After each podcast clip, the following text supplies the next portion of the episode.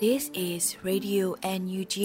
the voice of National Unity Government of Myanmar, broadcasting for Myanmar Spring Revolution. Radio NUG is transmitting from shortwave 16 meter 17.79 megahertz at 8:30 a.m. and 25 meter 11.94 megahertz at 8:30 p.m. Myanmar Standard Time. မင်္ဂလာပါရှင်။အမျိုးသားညီညွတ်ရေးအစိုးရရဲ့အတန်လွတ်ဌာန Radio NUG ကိုမန္တပိုင်း၈နိုင်ခွဲမှာလိုင်းတူ6မီတာ19.3ခွန်ကုန်း MHz နဲ့ညပိုင်း၈နိုင်ခွဲမှာလိုင်းတူ25မီတာ17.3 9 MHz တို့မှာဓာတ်ရိုက်ဖမ်းယူနားဆင်နိုင်ပါပြီရှင်။မင်္ဂလာအပေါင်းနဲ့ပြည့်စုံကြပါစေ။အခုချိန်ကစပြီး Radio NUG စီစဉ်လေးကိုဓာတ်ရိုက်အတန်လွှင့်ပေးနေပါပြီ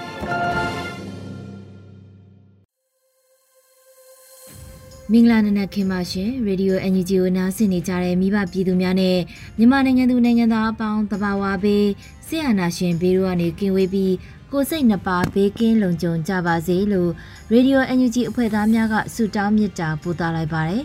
အခုချိန်ကစပြီးဩဂုတ်လ3ရက်နေ့ရေဒီယို NUG ရဲ့မနက်ခင်းအစီအစဉ်တွေကိုစတင်ထုတ်လွှင့်ပေးတော့မှာဖြစ်ပါတယ်။ ပထမအဆုံးအနေနဲ့ကာကွယ်ရေးဝန်ကြီးဌာနရဲ့စီရေးသတင်းအချင်းချုပ်ကိုတော့နှွေဦးမိုးမှဖတ်ကြားတင်ပြပေးတော့မှာဖြစ်ပါတယ်ရှင်။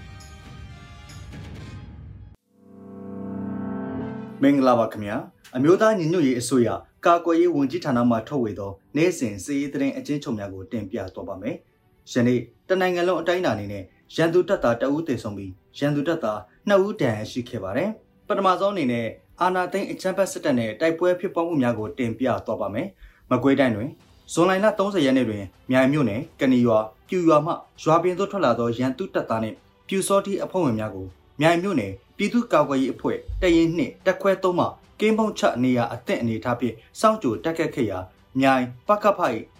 စနိုက်ပါလက်နက်ကြီးကြောင့်ရန်သူတပ်ဖွဲ့ဝင်တအူးသေဆုံး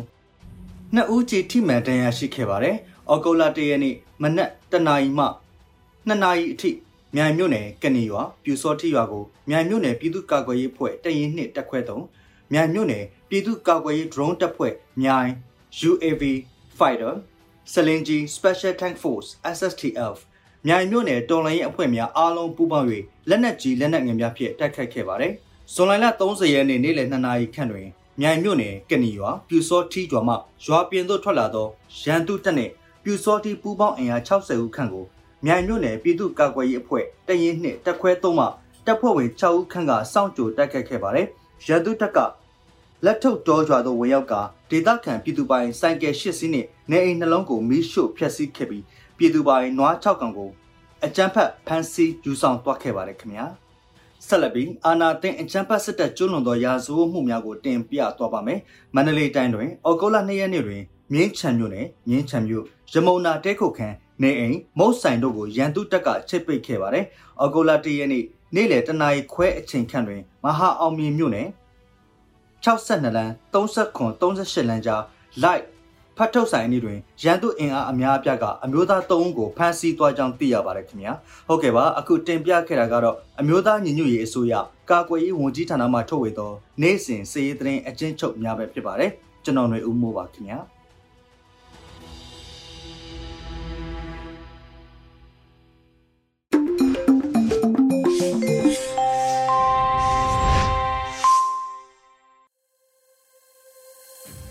ရေဒီယိုအန်ဂျီဂျီမှဆက်လက်အတန်လှည့်ပေးနေပါတယ်။အခုဒီခါမှာတော့ပြည်တွင်းသတင်းများကိုတော့နှွေဦးမိုင်မှဖတ်ကြားတင်ပြပေးတော့မှာဖြစ်ပါတယ်ရှင်။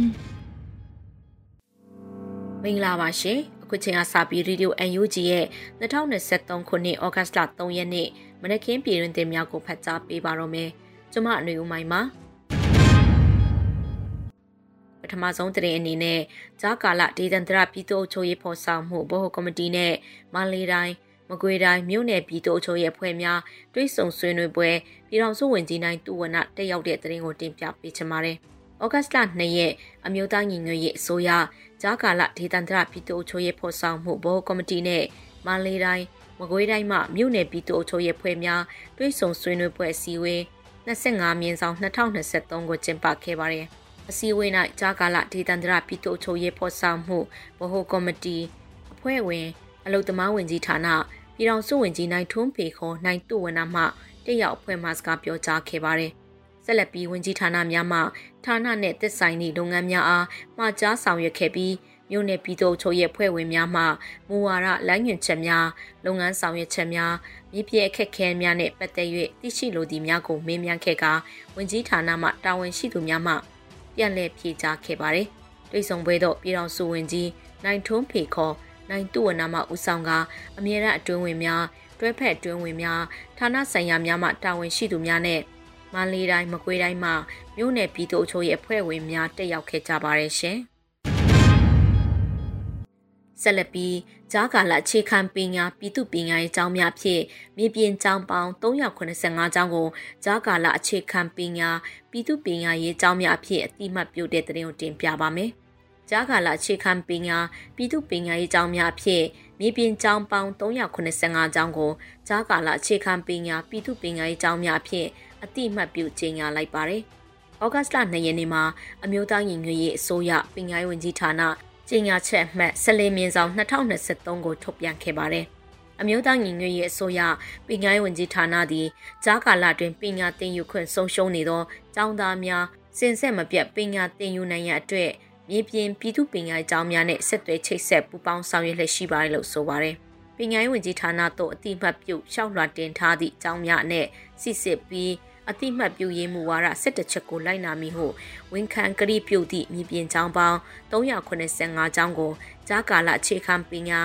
ပြည်သူပညာရေးကျောင်းများအဖြစ်အတိမတ်ပြုလိုက်တယ်လို့ဖော်ပြပါရယ်စစ်စစ်စဲအွန်လိုင်းကျောင်းများနဲ့ မြေပြင်ပြည်သူပညာရေးကျောင်းများကိုလည်းအတိမတ်ပြုကျောင်းဆက်လက်ထုတ်ပြန်ကြေညာသွားမယ်လို့အတိပေးကြေညာပါရရှင်။စစ်စေးကိုဖြစ်တင်းပေးနေတဲ့လူထုဟာအောင်ပွဲကိုလည်းမျှော်လင့်နေပြီလို့ဒိုးဝင်ကြီးတော်ဤတင်စာမောင်ပြောကြားတဲ့တဲ့ဝန်ဆက်လက်တင်ပြပေးချင်ပါတယ်။စစ်စေးကိုဖြစ်တင်းပေးနေတဲ့လူထုဟာအောင်ပွဲကိုလည်းမျှော်လင့်နေပြီလို့ဒိုးဝင်ကြီးတော်ဤတင်စာမောင်ကကရင်နေအိမ်မက်မောင်းတရားစကားဝိုင်းမှာပြောပါတယ်။ လက်တလုံးမှာကျမတို့အားကိုးစရာပြည်သူလူထုပဲရှိရဲ့စစ်စေးကိုဖြစ်တင်းရတယ်ဆက်လက်နဲ့ရိတ်ခါယူနီဖောင်းကအစပေါ့ဝယ်ချရတယ်။အဲ့လိုမျိုးမှာပြည်သူလူထုကလည်းအောင်ပွဲကိုမျှော်လင့်နေအခုချိန်မှာတော့စစ်ရေးအရာအပြောင်းလဲကြီးတွေကဖြစ်ဖို့လိုလာတယ်လိုလဲလိုအပ်လာတယ်ကရင်နေဆိုရင်ကျမတို့အားကြရတဲ့နေရာဒေသထဲမှာပါတယ်ကရင်နေဆိုရင်ရန်သူစစ်ကောင်စီကကုန်းချောင်းတက်လာဖို့ဆိုတာတိတ်ခဲရင်သွားပြီလို့ဆိုပါတယ် PRF ပြည်သူတော်လှန်ရေးထောက်ပို့မိသားစုအစီအစဉ်စတင်ခဲ့သည့်2021ခုနှစ်ဒီဇင်ဘာလ22ရက်နေ့မှ2023ခုနှစ်ဧပြီလ30ရက်နေ့အထိ18လတာကာလတွင်အမေရိကန်ဒေါ်လာ10.93တန်လက်ခံရရှိအသုံးပြုခဲ့ပြီးရရှိလာသောပြည်သူထောက်ပို့ငွေများကိုအမျိုးသားညီညွတ်ရေးအစိုးရကာကွယ်ဝင်ကြီးဌာနပြည်သူ့ကာကွယ်တပ်မတော် PDF တပ်ရင်းများထောက်ပံ့စေအဖြစ်အမေရိကန်ဒေါ်လာ9.33တန်အသုံးပြုခဲ့ပါတယ်။ PRF အစီအစဉ်၏ထောက်ခံမှုဖြင့်အမေရိကန်ဒေါ်လာ1.9တန်းကိုပြည်သူ့ကာကွယ်ရေးအဖွဲ့ပကဖဒေသကာကွယ်ရေးအဖွဲ့ LDF များနဲ့ဆက်လက်နဲ့ထုတ်လုပ်ရေးလုပ်ငန်းများထံသို့တိုက်ရိုက်ပေးပို့ခဲ့လို့ကာကွယ်ဝင်ကြီးဌာနကသတင်းထုတ်ပြန်ထားပါတယ်ရှင်။ဆက်လက်ပြီးတော်လှန်ရေးကိုတုံးသက်သူများအနေနဲ့ပြည်သူတွေရဲ့မဟာဗျူဟာမြောက်ရွေးချယ်မှုကိုအရာမသွင်းမလုံးမိဖို့လိုမယ်လို့ဆိုတဲ့သတင်းကိုတင်ပြပါမယ်။ တော်လှန်ရေးကိုတုံးသက်သူများအနေနဲ့ပြည်သူတွေရဲ့မဟာဗျူဟာမြောက်ရွေးချယ်မှုကိုအရာမသွင်းမလုံးမိဖို့လိုမယ်လို့လက်စစ်နဲ့စွမ်းအင်တူဝင်ကြီးဦးမော်ထွန်းအောင်ကပြောပါရယ်တော်လှန်ရေးမှာလည်းပြည်သူတွေရဲ့ထောက်ပို့လုပ်ရက်တွေကလည်းအလိမ်အညာတွေကိုကျိုးရှာတွေကိုနှစ်နှစ်အတွင်းမှာဖဲ့ထုတ်နိုင်တဲ့နီလန်းတွေရှိခဲ့ပြီးမဟာဗျူဟာကျလာတာကိုတွေ့ရတော့အားတက်မိတယ်။လူတော်လှန်ရေးကငကိုကလေးကအားလုံးပါဝင်ပြီးလူတိုင်းတည့်ရဲ့ဗျူဟာတွေနဲ့ချီတက်ခဲ့တော့အမှားယွင်းရှိလဲအားလုံးဝင်ပြော ဝင်ပြင်းစနစ်နဲ့ချီတက်ခဲ့တာကွန်ပျူတာစကရက်နဲ့ဆို open source development လိုပါပဲတွန်လှန်ရေးကိုတုံးသက်သူများအနေနဲ့လည်းပြည်သူတွေရဲ့မဟာဗျူဟာမြောက်ရွေးချယ်မှုကို dismiss အရာမသွင်းမလုံးမိဖို့လိုမယ်ထင်ပါတယ်လို့ဒုဝန်ကြီးကဆိုပါတယ်2021ခုနှစ်ဖေဖော်ဝါရီလ1ရက်နေ့စစ်တပ်ကနိုင်ငံတော်အာဏာကိုလူယူပြီးနောက်ပိုင်းစစ်အာဏာရှင်စနစ်ဆန့်ကျင်လူထုလှုပ်ရှားမှုနဲ့အတူနှွေးတော်လှန်ရေးပေါ်ပေါက်ခဲ့ပါတယ်ရှင်။ ခုနလတာကာလအတွင်းအကြမ်းဖက်ဆဲအုပ်စုကြောင့်နိုင်ငံတော်ဝန်အမျိုးသား900တဦးသေဆုံးခဲ့ပြီးစကိုင်းတိုင်းမှာ409ဦးဖြင့်တေဆုံးမှုအများဆုံးနဲ့ရှိနေတဲ့သတင်းကိုဆက်လက်တင်ပြပါမယ်။နိုင်ငံရေးအကျဉ်းသားများကုညီဆောင်ရှောက်ရေးအသင်းမှကောက်ယူထားသောသတင်းအချက်အလက်များအရခုနလတာကာလအတွင်းအကြမ်းဖက်စစ်အုပ်စုကြောင့်နိုင်ငံတော်ဝန်အမျိုးသား900တဦးသေဆုံးခဲ့ပြီးစကိုင်းတိုင်းမှာ409ဦးဖြင့်သေဆုံးမှုအများဆုံးတွင်ရှိနေတယ်လို့ဩဂတ်စ်လ2ရက်မှာတည်ပြီးဖော်ပြပါရယ် 2023ခုနှစ်ဇန်နဝါရီလမှဇူလိုင်လအထိ9လတာကာလအတွင်းအကြမ်းဖက်စစ်အုပ်စုကြောင့်နိုင်ငံတော်အမျိုးသား900တဦးသေဆုံးခဲ့ပြီးစကိုင်းတိုင်းမှာ409ဦးဖြင့်သေဆုံးမှုအများဆုံးတွင်ရှိနေလို့ဆိုပါတယ်။ထို့ပြင်နိုင်ငံတော်ဝန်ဖမ်းဆီးခံရမှုအနေဖြင့်အမျိုးသား1119ဦးရှိပြီးစကိုင်းတိုင်း၌263ဦးဖြင့်အများဆုံးဖမ်းဆီးခံရပြီးထို1119ဦးအနက် 1069ဦးမှာလက်ရှိတွင်အကျဉ်းထောင်များ၌ဖမ်းဆီးထိန်းသိမ်းခံနေရဆဲဖြစ်တယ်လို့သိရပါတယ်ရှင်။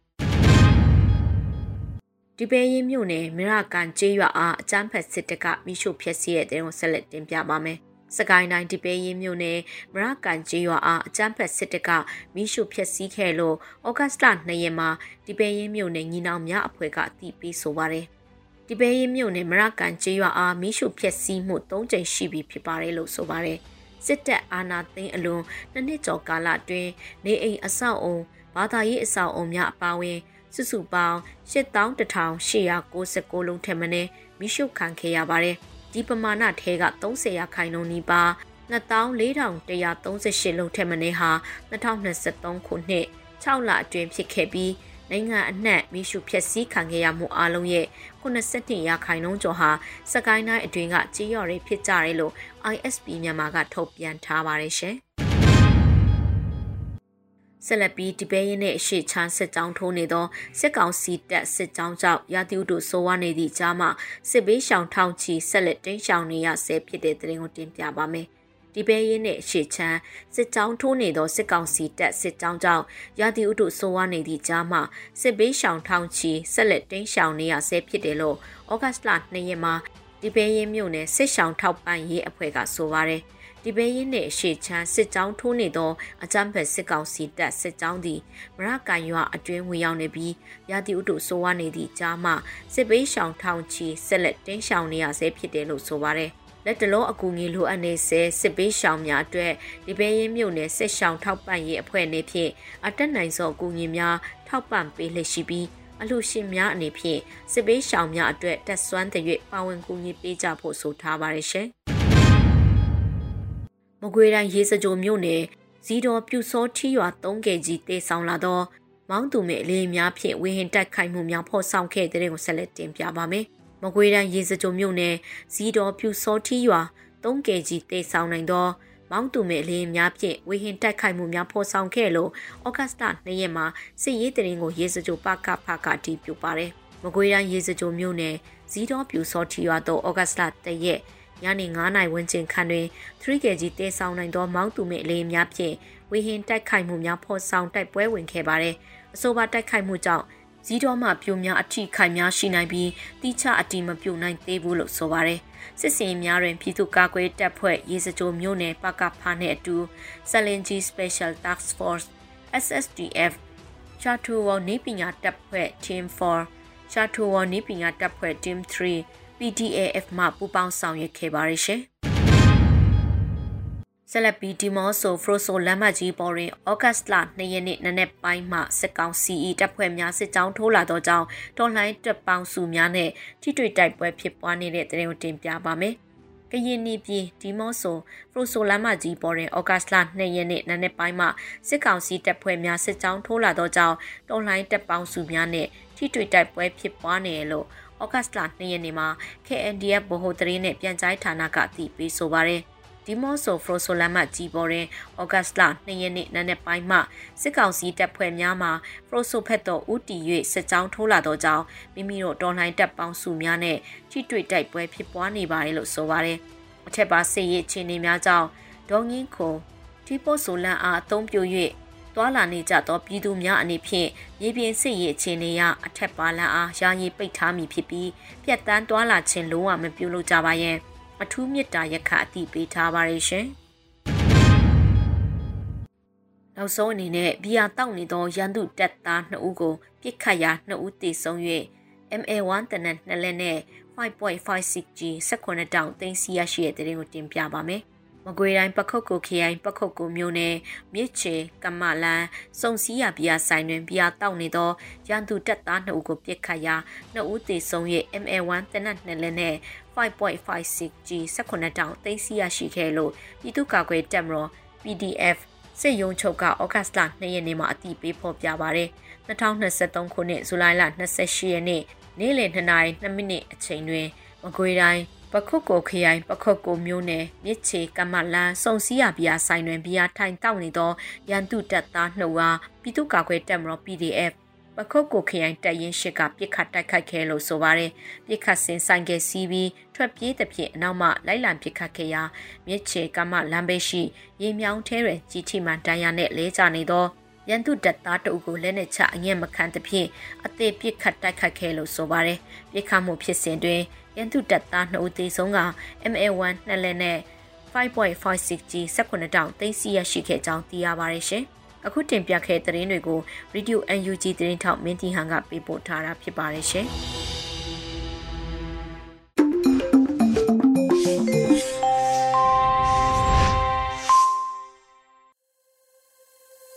ရေဒီယိုအန်ဂျီမှဆက်လက်အတန်လှည့်ပေးနေပါတယ်အခုတခါမှာတော့စေတရေးသားထားတဲ့လူသင်းမောလို့အမည်ရတဲ့တော်လန်ရေးကဗျာကိုလွတ်လပ်ຫນွေဦးကခန်းစားရွတ်ဖတ်ထားတာကိုနားဆင်ရမှာဖြစ်ပါတယ်ရှင်လူသင်းမောလူတယောက်ဟာသင်းမောတစ်စင်းလိုစိုက်ကပ်ရမယ်အချိန်ရှိတယ်လို့ထွက်ခွာရမယ်အချိန်လည်းရှိတယ်ဒါပေမဲ့ငါမထွက်ခွာခြင်းသေးဘူးဒါပေမဲ့ အချိန်စစ်ရင်ငါထွက်ခွာရမယ်ကန်းဆိုတဲ့အချိန်မြို့ကြီးတစ်မြို့မှာငါပြန်မထွက်ခွာခင် နေရတဲ့နာယီအင်္ဂလိပ်ထဲမှာအိုမင်းရင့်ရော်နေတဲ့ငါအဖေနဲ့ငါအမေကို အချိန်ရသလောက်ငါပြုစုစောင့်ရှောက်ခြင်းသေးတယ်လူအဖြစ်ရဲ့တက်တန်းတစ်လျှောက်မလိုခြင်းပဲရခဲ့တဲ့ငါဝေစုဒုက္ခတစ်တာကို ငါလိုပဲသွေးဆုပ်ခံနေရသူတွေနဲ့အတူမူလပိုင်ရှင်ဖြစ်တဲ့သွေးဆုပ်ဖုတ်ကောင်တွေစီပြန်ပေးအပ်ခြင်းသေးတယ်ဒုက္ခရဲ့မခံမရက်နိုင်တဲ့နာကျင်မှုဝေဒနာဆိုးသွေးဆုပ်ဖုတ်ကောင်တွေလည်းခံစားညှိကြည့်စေခြင်းသေးတယ်ငါငငယ်တုန်းကငါမသိခဲ့လို့ငါတတ်မိခဲ့တဲ့ပရွတ်စိတ်တွေမွေတွေကိုလည်းငါ အသက်ပြန်သွင်းပေးခြင်းသေးတယ်။ငါငယ်ငယ်တုန်းကကြီးနိုင်ငယ်ညှင်းစိတ်နဲ့ငါထိုးခဲ့တဲ့ငါတငယ်ချင်းကိုငါပြန်တောင်းပန်ခြင်းသေးတယ်။ထူအိမ်တင်ရဲ့လူနဲ့အင်ကြီးတချင်းကိုငါနားထောင်ပြီးတိုင်းငါဟာအလိုလိုသေးငယ်သွားတယ်။ငါဟာကဘာမြေကိုရောစရာအကျွေးတွေငါပြန်ပေးဆက်ရ ငါဟာလူအဖြစ်မှာလူတွေအပေါ်ငါကောင်းခဲ့တာတွေရှိတယ်လို့မကောင်းခဲ့တာတွေလည်းရှိတယ်ငါတင်ပေါ်အချိန်စိတ်ကန်းကမခွာခင်ငါစိတ်ရဲ့စိတ်တစရောင်စုံပကြီးကားတစ်ချက်ကိုငါအပိသက်ရေးဆွဲရမယ်သင်္ကေတအမှန်လွန်ကြပြားရှည်တပုတ်ကိုငါရေးဖွဲ့ရအောင်ပြီးတော့မှငါသင်ပေါ်ကိုကန်းကခွာပြီး ပင်လယ်ပြင်မှာလေနှင်ရာရွက်လွှတ်ရမယ်စေတ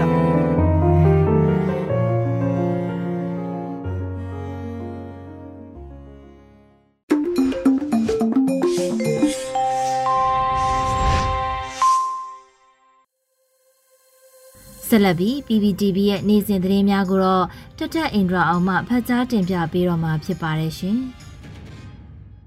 အခုချိန်ကစပြီး PPTV သတင်းတွေကိုတင်ဆက်ပေးတော့မှာပါကျွန်မထထအင်ဒရာအောင်ပါ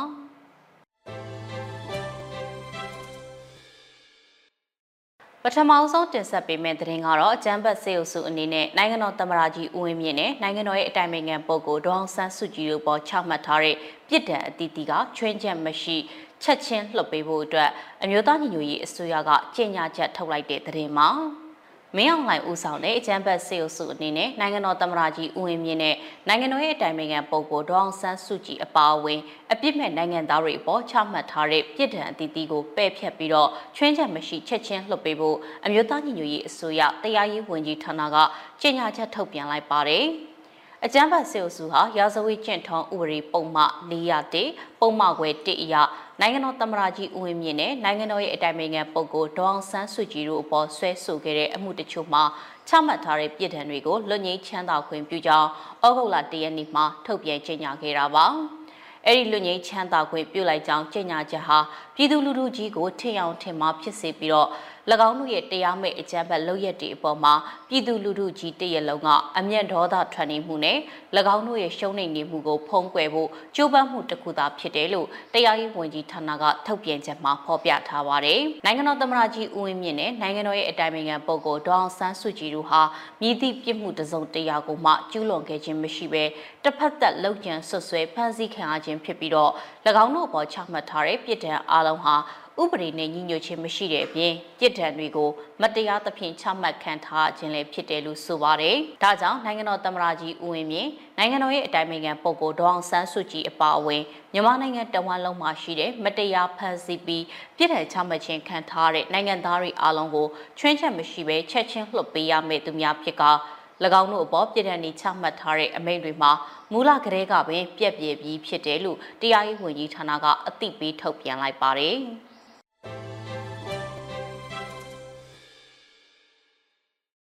ဆက်လက်တင်ဆက်ပေးမှာကအကြမ်းဖက်စစ်တပ်ကဇူလိုင်လအတွင်းမိရှို့ဖျက်ဆီးမှု85ကြိမ်ပြုလုပ်ခဲ့ပြီးပြည်သူ15ဦးသေဆုံးကနေအိမ်2940လုံးပျက်စီးခဲ့တယ်လို့ပြည်ထောင်စုလူဝင်မှုကြီးကြပ်ရေးဝန်ကြီးဌာနကထုတ်ပြန်လိုက်တဲ့သတင်းမှာ အကြမ်းဖက်စစ်တပ်ကဇူလိုင်လအတွင်းမှာတိုင်းနယ်ပြည်နယ်9ခုမှာမိရှုဖျက်ဆီးမှု85ကြိမ်ပြုလုပ်ခဲ့ရာပြည်သူ15ဦးသေဆုံးပြီးနေအိမ်2940လုံးပျက်စီးခဲ့တယ်လို့အမျိုးသားညီညွတ်ရေးအစိုးရပြည်ထရေးနဲ့လူဝင်မှုကြီးကြပ်ရေးဝန်ကြီးဌာနမိသက်ဦးစီးဌာနကထုတ်ပြန်လိုက်ပါတယ်။အကြမ်းဖက်စစ်တပ်ကစကိုင်းတိုင်းမန္တလေးတိုင်းမကွေးတိုင်းပဲခူးတိုင်းတနင်္သာရီတိုင်းကချင်ပြည်နယ်နဲ့ကရင်ပြည်နယ်တို့မှာ အခုလိုမျိုးမိရှုဖျက်ဆီးမှုတွေတပ်ဖြတ်မှုတွေပြုလုပ်ခဲ့တာပါအကြမ်းဖက်စစ်တပ်ကမိရှုဖျက်ဆီးမှု85ကြိမ်ကိုစကိုင်းတိုင်းမှာ55ကြိမ်မန္တလေးတိုင်းမှာ9ကြိမ်မကွေးတိုင်းမှာ9ကြိမ်ပဲခူးတိုင်းမှာ9ကြိမ်တနင်္သာရီတိုင်းမှာ9ကြိမ်ကချင်ပြည်နယ်မှာ3ကြိမ်နဲ့ကရင်ပြည်နယ်မှာ2ကြိမ်ပြုလုပ်ထားတယ်လို့ထုတ်ပြန်ချက်ထင်းပါဖော်ပြထားပါတယ်။အကြမ်းဖက်စစ်တပ်ရဲ့မိရှုဖျက်ဆီးမှုတွေကြောင့်စကိုင်းတိုင်းမှာနေအိမ်1950လုံးပျက်စီးပြီးတော့ ပြည်သူ9ဦးကမိရှုတပ်ဖြတ်ခံခဲ့ရပါတယ်။မန္တလေးတိုင်းမှာနေအိမ်440လုံးပျက်စီးပြီးတော့ပြည်သူ3ဦးမိရှုတပ်ဖြတ်ခံရတယ်လို့ပဲခူးတိုင်းမှာလည်းနေအိမ်63လုံးပျက်စီးပြီးတော့ပြည်သူ3ဦးမိရှုတပ်ဖြတ်ခံခဲ့ရပါတယ်။မကွေးတိုင်းမှာနေအိမ်380လုံးတနင်္သာရီတိုင်းမှာနေအိမ်15လုံးကချင်ပြည်နယ်မှာနေအိမ်68လုံးနဲ့ကရင်ပြည်နယ်မှာနေအိမ်၄လုံးမိလောင်ပျက်စီးခဲ့ရပါတယ်။ မိရှုဖြက်စီးခံရတဲ့အဆောက်အုံတွေထဲမှာစတင်ကျောင်းတစ်စောင်နဲ့ဘာသာရေးအဆောက်အဦတစ်လုံးပါဝင်တယ်လို့လည်းမိသက်ဦးစီးဌာနကထုတ်ပြန်ထားပါတယ်။ထုတ်ပြန်ချက်ထဲမှာအခုဖော်ပြထားတဲ့အချက်လက်တွေထက်မြေပြင်မှာအကြမ်းဖက်ခံရမှုတွေကပုံမပြီးတော့များပြားနိုင်တယ်ဆိုပြီးတော့လည်းအသိပေးထားပါတယ်။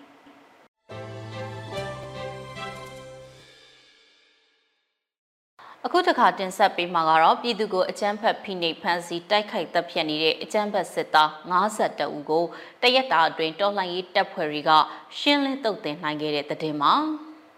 ပြည်သူကိုအကြမ်းဖက်ဖိနှိပ်ဖမ်းဆီးတိုက်ခိုက်တပ်ဖြတ်နေတဲ့အကြမ်းဖက်စစ်သား52ဦးကိုတရက်တာအတွင်းတော်လှန်ရေးတပ်ဖွဲ့တွေကပြည်သူခုခံတော်လှန်စစ်အရာရှင်းလင်းနိုင်ခဲ့တယ်လို့အမျိုးသားညီညွတ်ရေးအစိုးရပြည်ထောင်စုနယ်လူဝင်မှုကြီးကြပ်ရေးဝန်ကြီးဌာနကထုတ်ပြန်ပါတယ်။ တည်င်းအချက်လက်တွေအရဩဂုတ်လတရက်ကဖြစ်ပွားခဲ့တဲ့ထိတွေ့တိုက်ပွဲတွေမှာစစ်ကောင်စီတပ်ဖွဲ့ဝင်52ဦးသေဆုံးပြီးထိခိုက်ဒဏ်ရာရရှိသူ28ဦးအထိခုခံတိုက်ခိုက်နိုင်ခဲ့တာဖြစ်တယ်လို့ဆိုပါတယ်။အာနာသိန်းအကြမ်းဖက်စေအုပ်စုရဲ့ပြည်သူလူထုအပေါ်အကြမ်းဖက်ဖိနှိပ်ဖမ်းဆီးတိုက်ခိုက်တပ်ဖြတ်နေတာတွေကိုပြည်သူလူထုတရလုံးကအသက်ရှင်တန်ရေးအတွက်မိမိကိုယ်ကိုမိမိခုခံကာကွယ်ပိုင်ခွင့်အရာပြည်သူခုခံစစ်ကိုဆင်နွှဲနေတာပါ။ ဆရာနာရှင်စနစ်မြမမြေပေါ်ကနေအပိတိုင်ချုပ်ငြိမ်းရေးနဲ့ Federal Democracy တိဆောက်ရေးအတွက်ငြိမ်းချမ်းစွာဆန္ဒပြတဲ့လူလူသပိတ်တိုက်ပွဲတွေကတိုင်းဒေသကြီးတွေမှာဖြစ်ပွားပေါ်ပေါက်နေတာလည်းဖြစ်ပါတယ်။အခုချက်လက်တွေဟာမြေပြင်မှာသတင်းအချက်လက်တွေထက်ပိုပြီးတော့ဖြစ်ပွားနိုင်တယ်လို့ဖော်ပြထားပါတယ်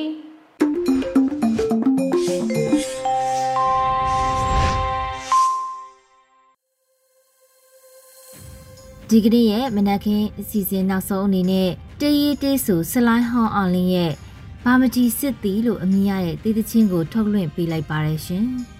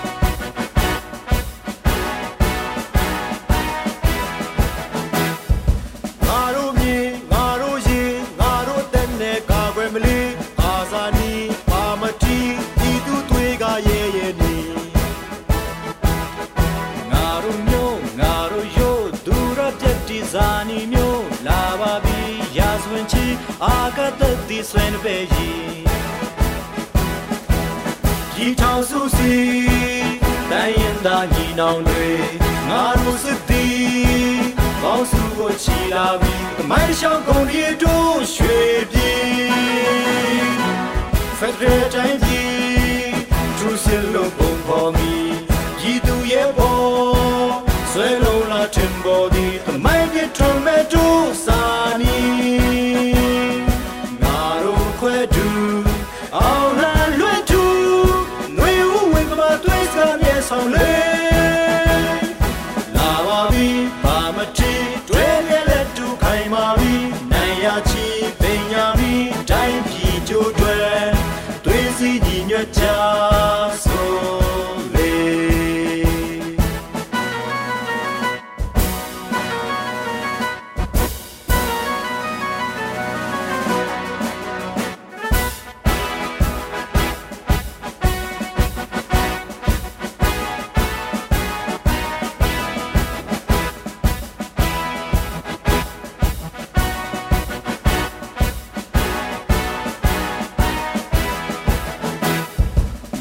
တို့မြေငါတို့ရေငါတို့တက်နဲ့ကာကွယ်မလဲအာဇာနည်ဘာမ